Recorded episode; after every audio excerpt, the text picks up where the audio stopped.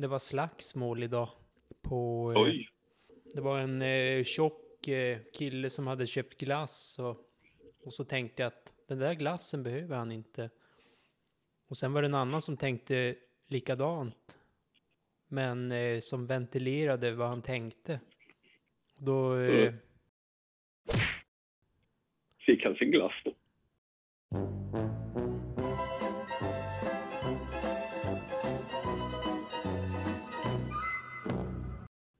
Det ska regna imorgon. Ja, men nu börjar jag känna mig lite solbränd. Jag blev bjuden på rådjursgryta. Det var gott. Det var gott. Nej, fy fan. Fy fan. Ja. är du ledig imorgon eller? Nej, för fan. Imorgon är det jobb. Laddad ändå? Nej, Nej. jag skulle... Jag är motsatsen mot laddat. Åh fan.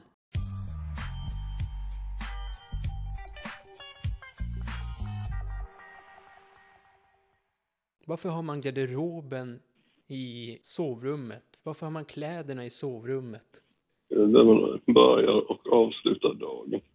Så när jag har duschat då, då måste jag ju gå, då måste jag ta på mig handduken igen och så måste jag gå och virvla tillbaka genom alla fönster och sånt där.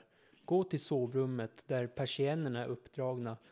Sen pussla på mig kläderna utan att eh, någon granne ser vad jag håller på med. Mecka med handduken, du vet. Eller dra ner persiennerna igen då. Eller typ kolla irriterat på grannarna att Det måste vara en stor jävla toalett. Alla har ju inte så stor toalett så man kan ha typ en garderob i toalett. Men vad är fan är klockan? Åtta? Nio? Halv Det måste tio. vara nio. halv fem, fem, sex, sju, elva, tolv, tjugotre. Fuck. Ja, då är det åtta. Ja, det är hon också. Helvete vad tänk och sånt. Usch. Vad har hänt i världen? Jag som inte Jag läser. vet inte. Oh, överraskning. Vet du vad jag har gjort? Jag har kört en cykel. Har du köpt en cykel? Jag tryckte på knapp. har du en cykel sen innan? Jag har en cykel sedan innan. Nu har jag två cyklar. Har du fler än två cyklar? Nej, jag två cyklar. Jag har en cykel. Snart har jag en blå cykel. Och inte en tredje? Nej. Jag har ett vrak i källaren.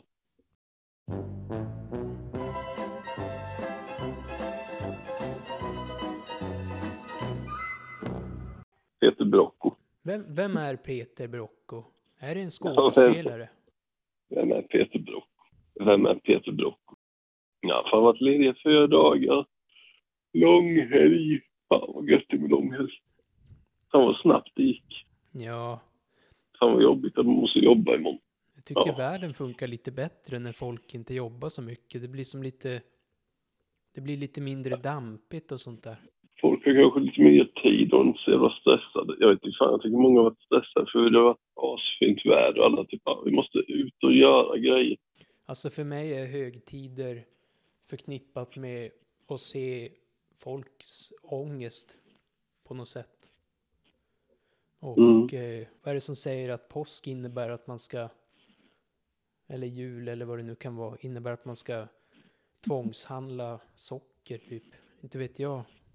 Vet inte fan. Ja, typ, typ. Typ, typ. Ja, får man säga. Jag vet inte. Det, det man ska säga är väl att eh, Fan, det var vad heter det, lyckat hitta en cykel, tänker jag. En blå cykel. En blå Tränarkondis. Det är nog en bra tränar kondis-cykel. Fast jag hade nog velat typ åka ner för ett jävla berg och ja, köra snabbt. Typ, men jag vet att jag skulle köra ihjäl. Ja, Jag skulle ha typ rätt grej, men det hade varit häftigt. Men jag cyklar en mil på typ, alltså jag cyklar ju långt. Jag kan gå ut och cykla i typ tre timmar. Ja, men jag cyklar ju jävla långt som helst. Så jag har fortfarande lite i kroppen. Sen vet fan om jag skulle köpt en sån här cykel för att cykla långt egentligen. Den är väl typ ute i skogen och köttar. Ja, men det är rätt nice. Men jag har kompisar som också har köpt cykel. Då blir det ju att man kan typ åka tillsammans. Då skulle det hända något så kan man i alla fall ringa en ambulans. Man är typ sex mil hemifrån och så bara pang. Jaha, där gick däcket. Sen är det fan sjukt jävla enkelt att byta däck på en sån här cykel. Nej, för fan, nu är klockan tio så nu är det faktiskt dags att nanna Das kudde.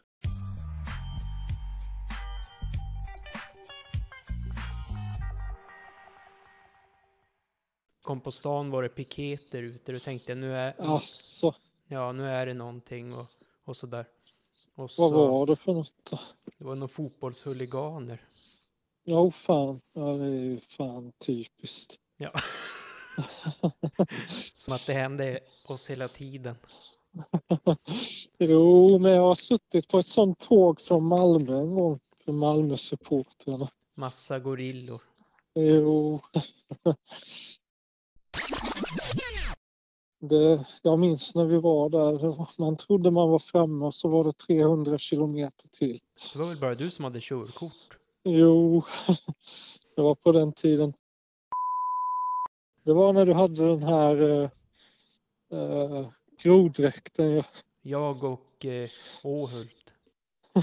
jag visste. När vi var ute där. Jo, jag minns den där baren, typ någon öppen bar. Typ. Utomhus eller? Ja,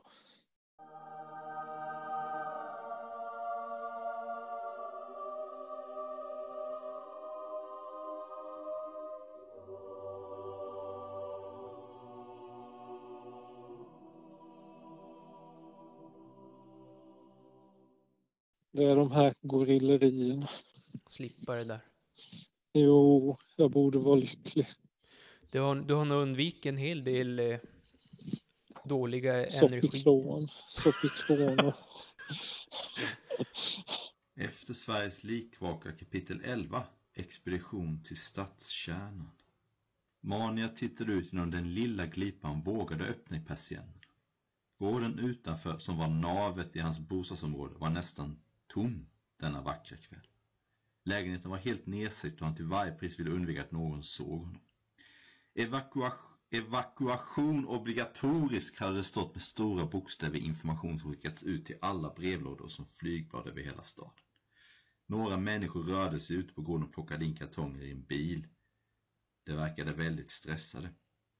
Ångesten lyste i deras ögon även på detta stora avstånd. Mani gick in och satte sig i sin favoritfåtölj och njöt av tystnaden. Vattnet som rann genom elementet brusade på ett mycket tillfredsställande sätt. Den svenska valutan hade kraschat och kronor var inget värda längre. Han insåg att många av de saker som oroat honom den senaste tiden hade spolats bort av krigets flodvåg. Det faktum att han inte haft något jobb de senaste åren spelade nu ingen roll. Ihopsparade pengar var värdelösa ändå. Hans CSN-skuld spelade ingen roll. Ingen livspartner spelade ingen roll då han slapp kompromissen med att stanna i sin lägenhet. Inga barn att oroa sig för under det kommande krigets prövningar. Ingen bok producerad de senaste fem åren spelade heller ingen roll. Inget svenskt förlag skulle kunna ge ut en bok på många år. Inga referenser från något jobb de senaste fem åren spelade ingen roll och inga jobb fanns att söka. Kriget var den stora utjämnaren. Han var nästan glad att det hade utbrutit. Vattnet rann fortfarande från kranarna när han vred på dem men han visste att detta kanske inte skulle vara för evigt. Han fyllde alla hinkar, kastruller och djupa tallrikar i lägenheten med vatten och ställde dem i ett skåp i hallen. Sen gick han och la sig på sin madrass och tog en av sina sista sömntabletter. Efter en halvtimme hade tabletten stoppat om honom som en extra mamma och tagit honom hand i hand in till drömmarnas land. Långsamt kom Mania till medvetande på sin toalett. Som så många gånger förr var han till en början desorienterad och förvirrad. Hade någon frågat honom vad han hette de första sekunderna efter han vaknat hade han nog inte kunnat besvara den frågan.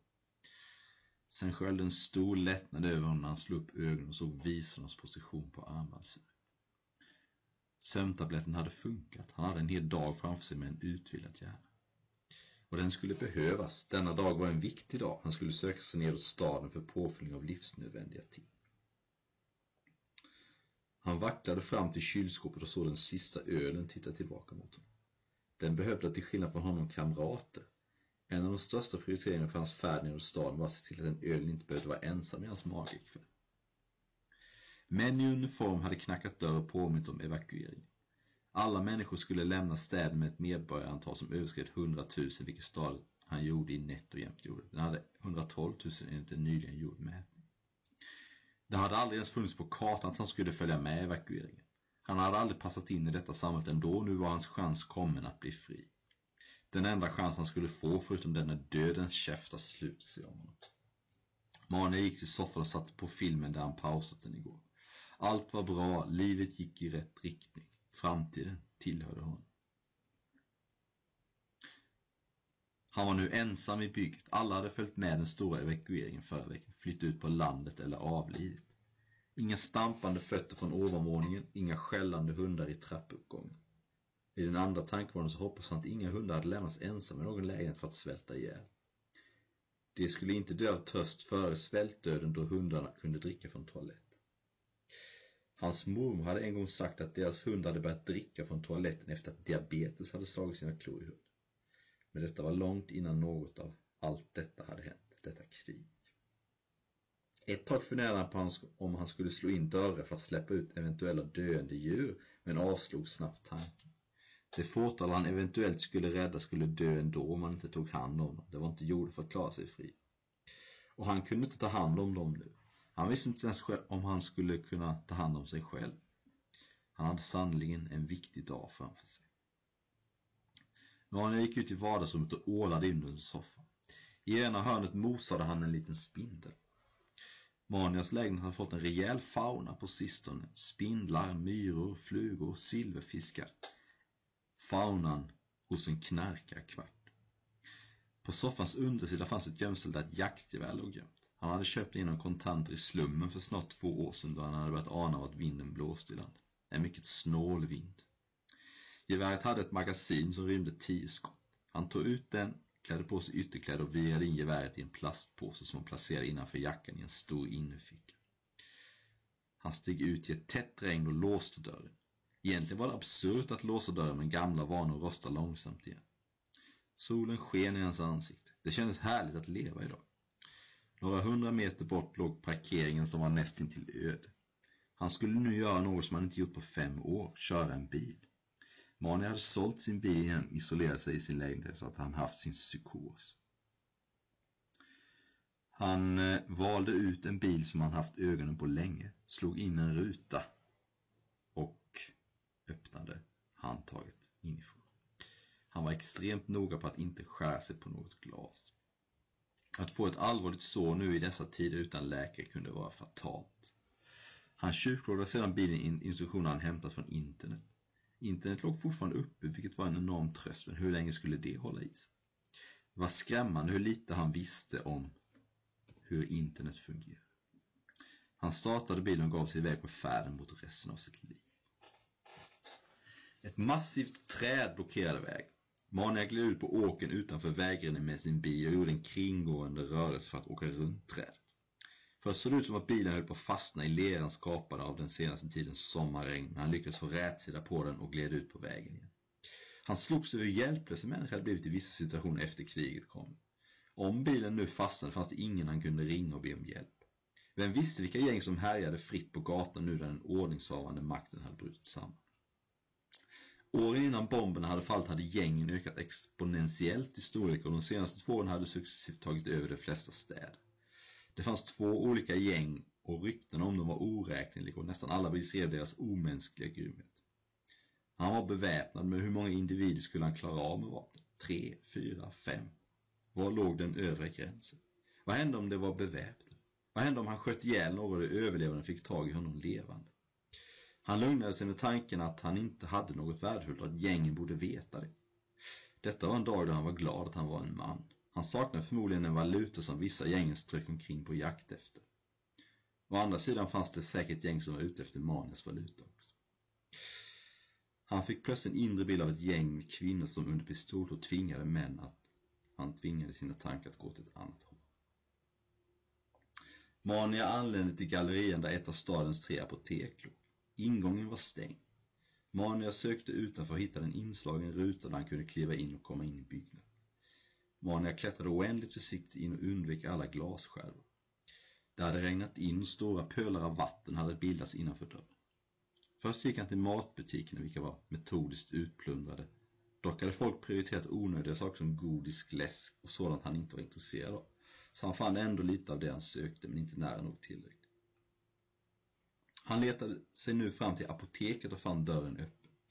Han såg sig ängsligt om åt alla håll i vetskapen om att apoteket var en eftertraktad butik efter staden övergivits av stora delar av befolkningen. Butikens hyllor var inte överdrivet plundrade men det lugnade inte honom desto mer det värdefulla som fanns innanför disken. Han klev in bakom disken och en punkt i taket började lysa ilsket rött. Förmodligen ett tyst alarm tänkte han och det oroade honom inte. Det fanns poliser kvar hade det viktigare ställen att vara på. De flesta övervakade de flyende karavanerna. Det var förhoppningsvis långt borta vid detta laget. Mannen gick metodiskt igenom alla hyllor och såg att morfinet var borta liksom värktabletterna.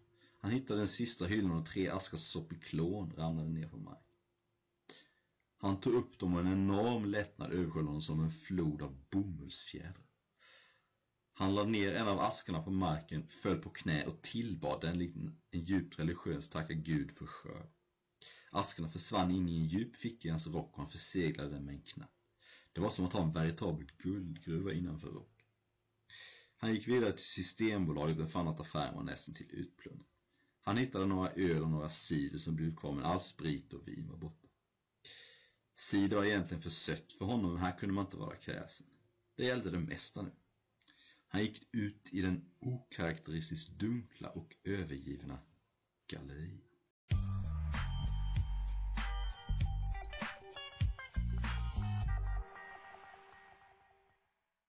Men det är väl, ofta vill man ju att teknik ska gå, jag, jag är ju också sådär, äh, när någonting funkar då kan man ju bara låta det vara ett tag. Jag är ju också sådär, ja men undrar hur man kopplar in äh, rymdskeppet med eh, wifi på 5G. Men farsan, är, farsan njuter ju av sånt här, typ bygga ihop en dator. Så han bara, ja det, det blir så jävla nice. Och jag tänker bara, nej, nu måste man göra ännu en sån grej liksom. Han är inte heller nöjd någon gång. Nej. Han är som, Ja, det- han är som mig, måste alltid ta det till nästa steg. jo. Så är ju podden nu, det är ju speciellt liksom. Nu går det inte att podda alls förrän allting är i, i. Valhalla Nordost. Då kör du, Alltså jag, blev, jag blev lite fundersam när du sa att det var rött kött faktiskt. ja 500 gram i veckan ska man äta då. då Enligt kliade jag mig i hu- huvudet och tänkte jag rött kött. rött, kö, rött kött. Då tänkte du, Och sen insåg jag och sen blev jag dubbelvikt och tänkte fan. och så tittar jag på apan här bredvid som hänger på ljusstaken. Du tittar på den och den tittar på dig. Fast sen, fast sen efter det när du kom så åkte jag ju faktiskt sparkcykel. Ja, det gjorde du ju faktiskt. Jo, så det är ju.